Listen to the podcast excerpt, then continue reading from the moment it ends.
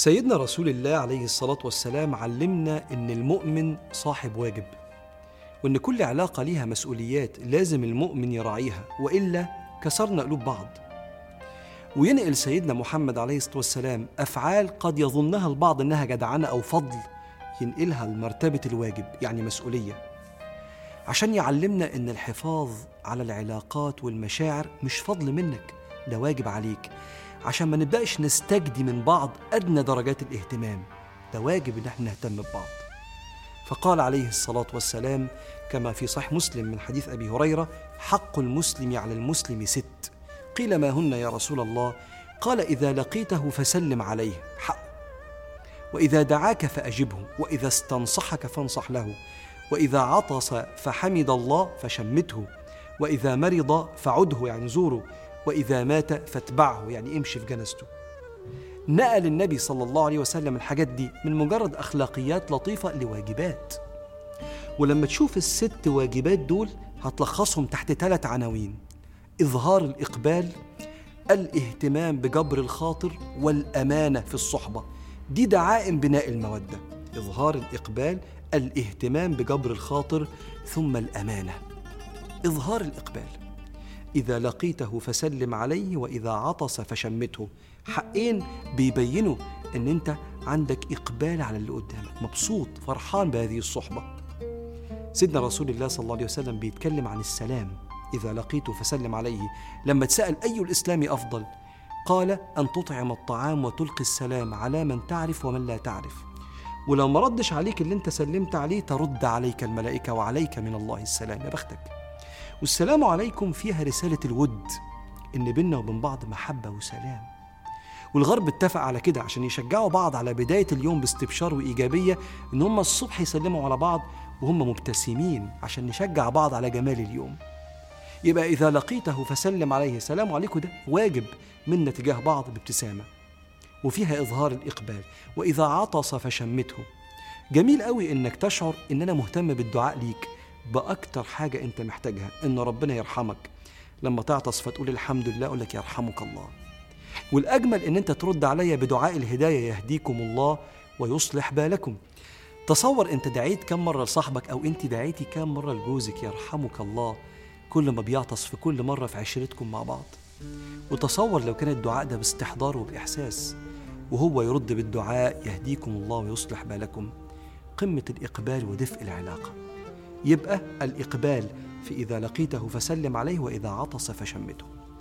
الشيء الثالث من دعائم بناء المودة الظاهر في الحديث هو الاهتمام بجبر الخاطر في الثلاث حقوق.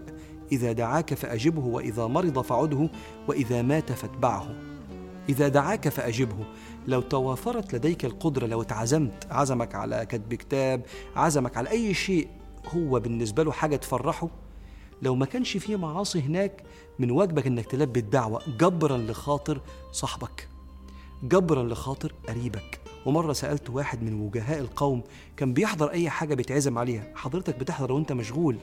فيقول لي كفاية إن فلان افتكرني وجبر بخاطري وعزمني فأنا لازم أكبر بخاطره وأنا كمان آجي.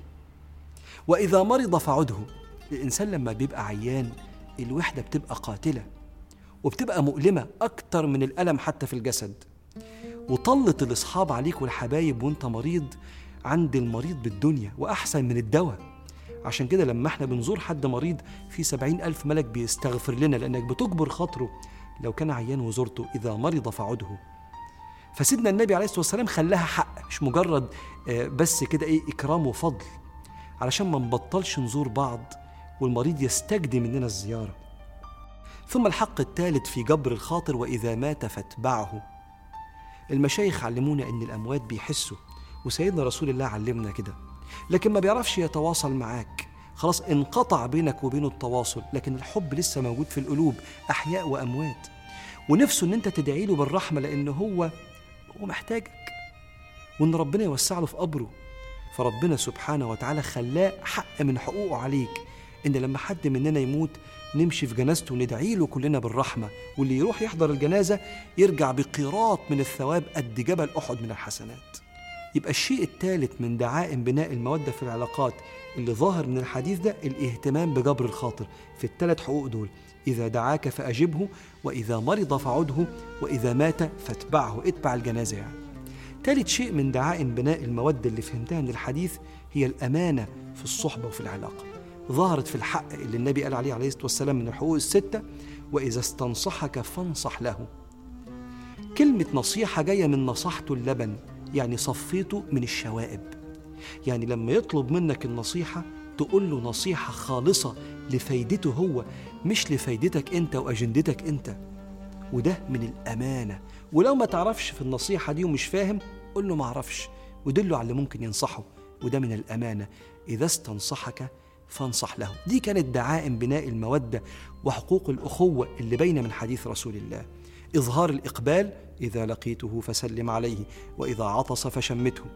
الاهتمام بجبر الخاطر إذا دعاك فأجبه إذا مرض فعده إذا مات فاتبعه.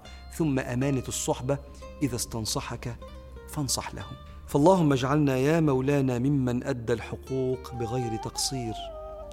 واقبلنا يا مولانا على ما كان منا إنك على كل شيء قدير.